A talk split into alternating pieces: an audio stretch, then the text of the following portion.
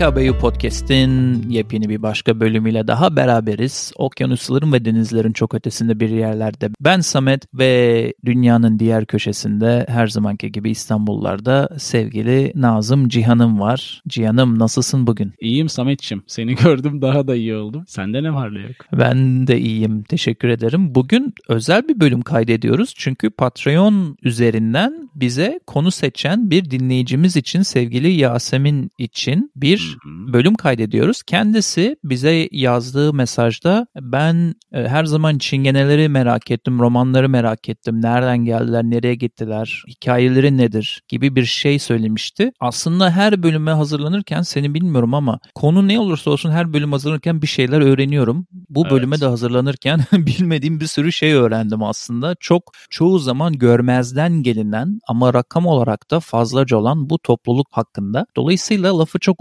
uzatmadan aslında bu romanların hatta şöyle başlayayım canım. Romanlar mı çingeneler mi? Çingene demenin bir sakıncası var mı? Ne düşünüyorsun araştırmalarından sonra? Bence var. Çünkü Avrupa Birliği'nde de kullanılması tercih edilmeyen bir kelime çingene. Daha çok hani romani olarak gözüküyor literatürde de. Türkçede de roman olarak aslında biz biliriz hep eskiden beri. Bu çingene kavramı zaman içerisinde evrildi. Hani tabii ki var bu arada şey kelime kullanımı olarak yöreden yöreye de değişiyor. Sen de görmüşsündür. Gypsy Avru- aynen. Avrupa'da da değişiyor, Türkiye'de de değişiyor. Ama çingene kelimesi biraz son dönemle birlikte yani belki de bir süredir böyle küçümseyici, aşağılayıcı bir sıfat gibi kullanılıyor. O yüzden dolayı hani daha çok roman desek kafi gibi. Ben de çingenenin yani gypsy kelimesinin Avrupa'da yasal olarak bir e, ırkçı terime eşit olmadığını, yasal olarak söylemenin bir e, Engel şeyi olmadı. olmadığını, bir engeli olmadığını buldum. Ama senin dediğin bu olumsuz görüş, olumsuz havayı ben de hissediyorum söyleyince. E, istersen şeyden başlayalım. Nereden, ne zamandan beri ve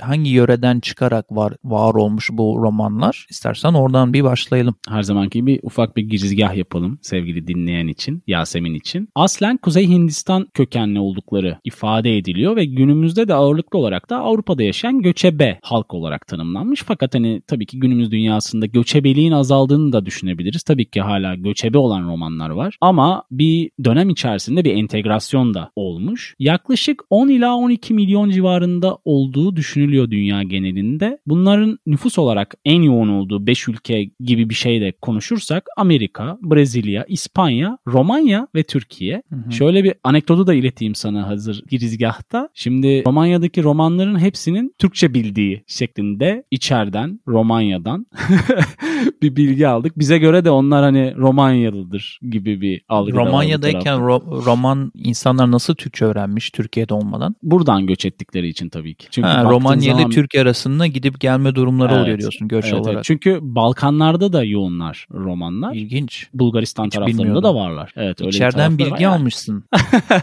evet evet içerideyiz Saviç.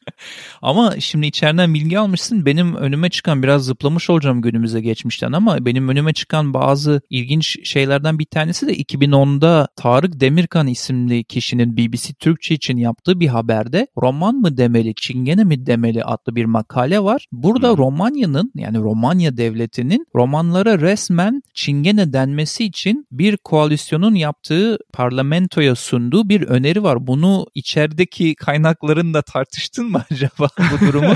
çünkü çünkü e, kendileri demiş ki romanla Rumen kelimesi çok yakın birbirine. E, romanlar Evet. olumsuz itibar uyandırıyor bizim için. Biz o yüzden öneri getiriyoruz. Onları artık çingeneler densin diye. Dolayısıyla burada nasıl Bir bir, eleştiri var, veya e, aynen burada nasıl bir eleştiri, nasıl bir yaklaşımın var merak ettim sevgili Cihan. Ya biraz önce de ifade ettiğim gibi küçümseyici ve aşağılayıcı bir sıfat olarak kullanılıyor ya. Burada da ona bir gönderme var aslında. Hani orada sadece bir harf değişikliğinden bahsedilerek öyle bir tasarıdan konuşuyor kendileri. Ya sonuç olarak ötekileştirilen bir gruptan bahsediyoruz. Bir halktan bahsediyoruz. Dünyanın tamamında aslında. Hani sadece Romanya, Türkiye, Amerika falan da değil. Yani bu herhangi bir ülkede öteki bir gruba dahil. Azınlık. E bu ya hem azınlık bir de azınlık ol, azınlıklar çoğunluk da olabilir durumuna göre. Ama bu romanlar için çok geçerli değil. Hani geçmişten günümüze kadar baktığın zaman öyle bir skala var ve göçebelik de belki de hani bunda bir etkili ve belki kriminal bir geçmişleri olduğu ile ilgili bir sürü donenin olması da ama sonuç olarak din olarak da farklı bir tarafları var. Mesela her dine mensup Hı-hı. insanları var çünkü tamamen farklı coğrafyalarda yaşayan, yaşadığı farklı yöreye göre kültürlerle entegre olan ve dediğin gibi yaşadığı kültürlere tamamen adapte olarak onlardan bir parça oluyor ama yine de kapının köşesinde duruyorlar gibi. Şimdi 14. yüzyılda Hindistan'ın kuzeyinden sanırım sen dedin çıkıp dünyaya yayılan bir evet. e, göçebe topluluktan bahsediyoruz. Dolayısıyla bu yüzyıldan sonraki yüzyıllarda biliyorsun Osmanlı hakimiyeti varken de Hı-hı. Çingene veya romanlar her yerde vardı. E şimdi Osmanlı kayıtlarına döndüğümüz zaman bir sürü şey öğrendim sözüne birazcık atıfta bulunarak Osmanlı kayıtlarında Rumenlerden Çingene diye bahsedilmiş ama daha da ilginci günümüzde Türkiye'de kullandığımız şakalaşırken de kullandığımız şopar kelimesi de geçiyormuş Osmanlı kayıtlarında. muhakkak, muhakkak. Ve Osmanlı kayıtlarında ağırlıklı olarak bu kişiler veya bu toplum e, sorun çıkaran, küçük suçlar işleyen, e, orada burada küçük şeyler çalan ve sürekli e, cezalandırılması gereken, küçük cezalar verilmesi gereken toplum olarak kayıtlara girmiş. Yani kayıtlara girmesinin sebebi buymuş daha doğrusu bu insanların. E, şimdi bunu niye söylüyorum? Buradan birazcık onlara karşı olan negatif yaklaşım nereden geliyor ya bağlamak istedim. Genel olarak Avrupa'da da Çingeneler veya Romenler bir yere vardıklarında geçici işler bulmaya çalışırmışlar. İşte eskiden bu demircilikmiş, veya at sürmeymiş, tarlalarda yardım etmeymiş ama aynı zamanda eşit derecede de bulundukları köyün yerlisinden bir merhamet bekleme beklentisiyle de orada bulunurmuşlar iş yeterli olmadığında. Dolayısıyla bazen buna karşılık bulamadıklarında da pickpocketing dediğimiz e, böyle yan kesicilik gibi ufak tefek şeylerle de maalesef isimleri birazcık kötüye çıkmış zamanında. Dolayısıyla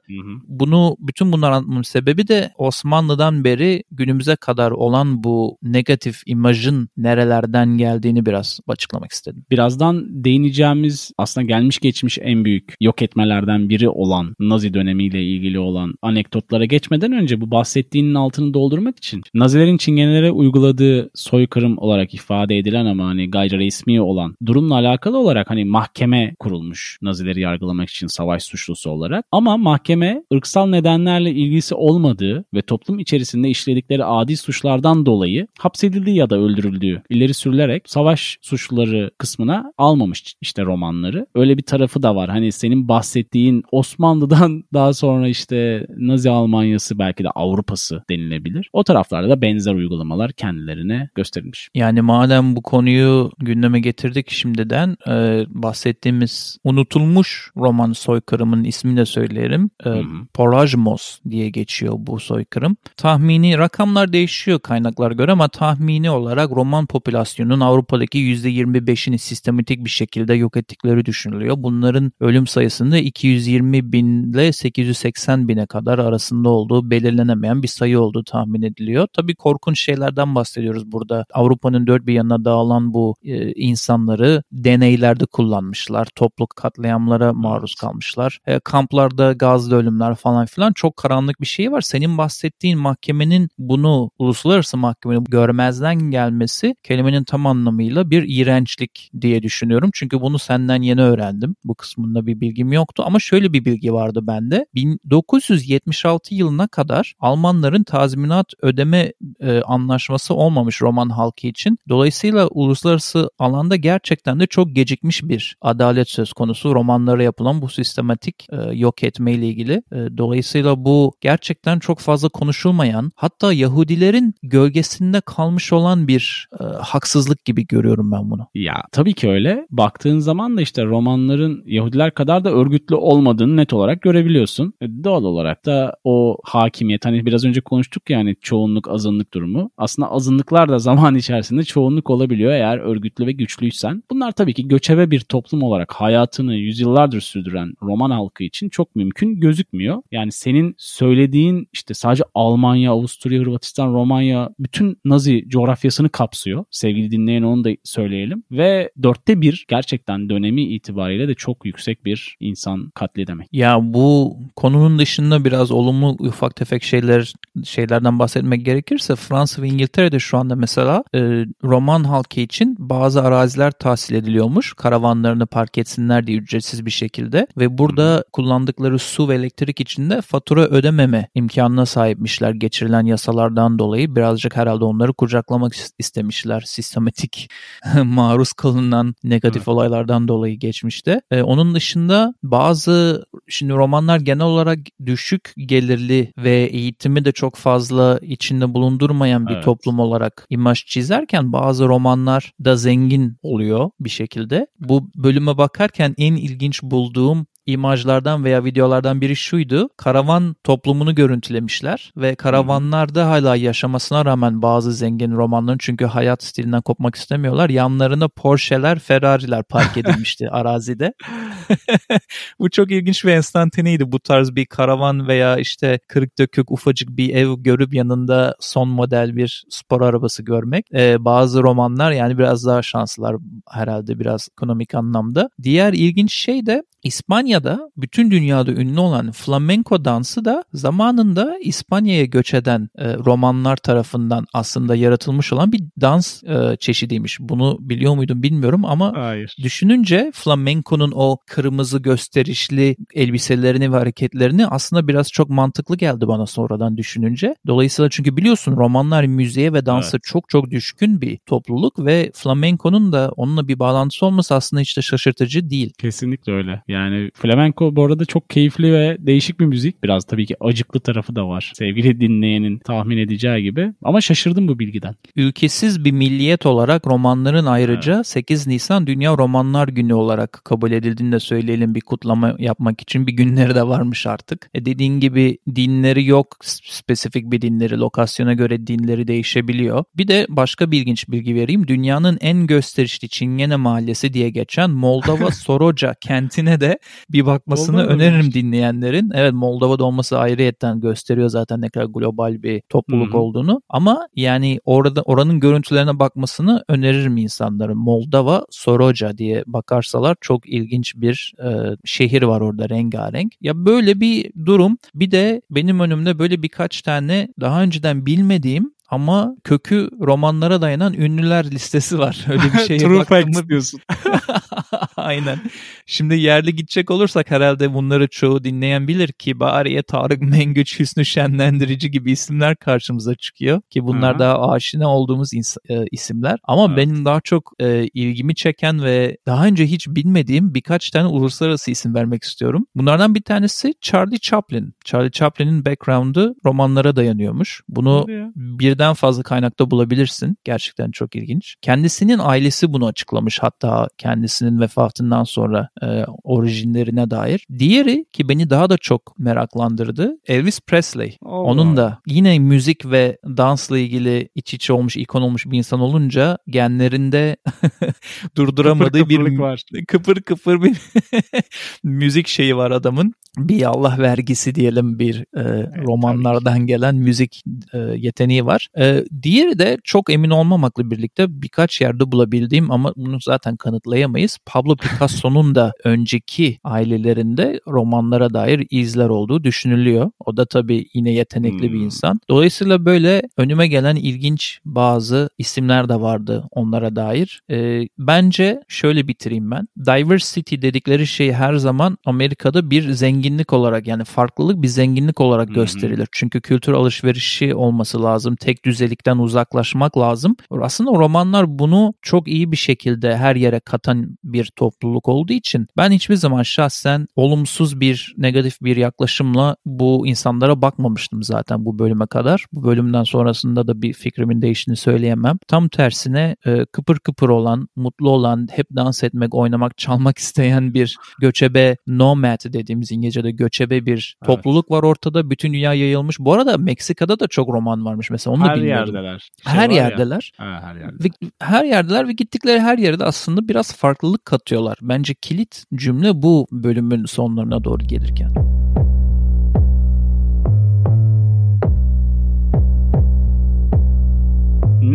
Dinliyoruz kısmıyla bir kez daha sen dinleyenin karşısındayız. Her zaman olduğu gibi bu bölümde bazı önerilerle senin karşındayız ve benim de karşımda Samet var. Sevgili Cihan'ım iştenlikle sana dinlediğimi söyleyip bir roman havası önermek isterdim ama hiç o taraklarda bezim yok. O yüzden roman havası önermeyeceğim burada. Teşekkürler. Ee, teşekkürler diyorsun bizi Yani kurtardığın için. Route 66'te pek işimize yaramayabilirdi yani. Bir anda Yani- arabayı kenara çekip oynamaya başlarsak yoldan geçen amcalar ve belki de polis ne yapıyorsunuz arkadaşlar diyebilirdi. Bu arada bu yapmadığım şey de değil. Babamın Şimdi dinleyen e, sevgili Yasemin de biliyordur onu. Babamın mükemmel bir darbuka çalma yeteneğinden dolayı yolun kenarına araba çekip darbukayla göbek atmışlığımız da vardır yani. Hatta bunun e, kanıtları bile olabilir derinlerde bir yerlerde video şeklinde. Çıkar. Evet aynen kirli çamaşırlar. Ee, neyse bu roman olayından uzaklaşıp biraz e, genel olarak HKBO dinlencisine iki tane şarkı ekleyip ben yavaş yavaş yolumu alayım sevgili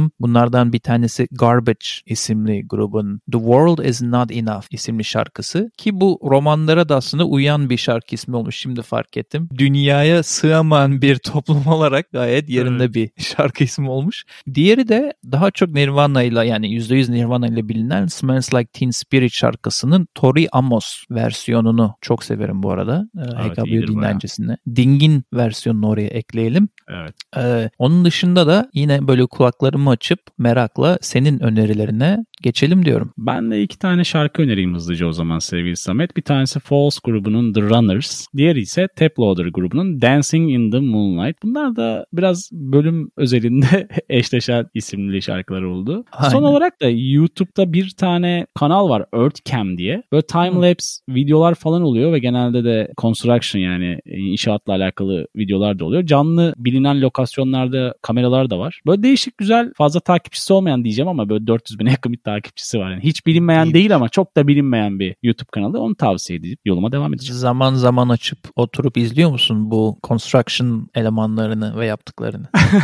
Ya çok hızlı ya şey düşün. Time lapse olarak dediğim koyuyor kamerayı başlıyor bayağı hızlı bir şekilde Hı hı. varıyor gidiyor. Yani çok uzun Yani videolardan için bu- bahsetmiyorum sevgili dinleyen. Senin için bu bir meditasyon mu diye bir an merak ettim de o yüzden Ha, yok sordum. uyurken açmıyorum videoları hani açarsın ve uyursun ya yok onu yapmıyorum. Yok aynen.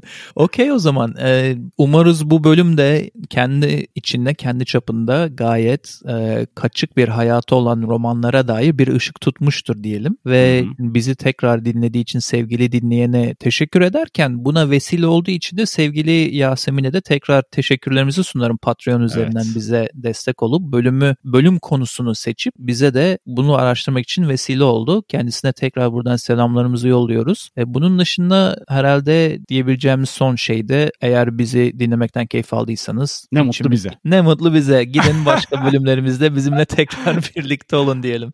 Bizi dinlediğiniz için çok teşekkürler. Tekrar görüşmek üzere. Hoşçakalın. Görüşmek üzere. Hoşçakalın.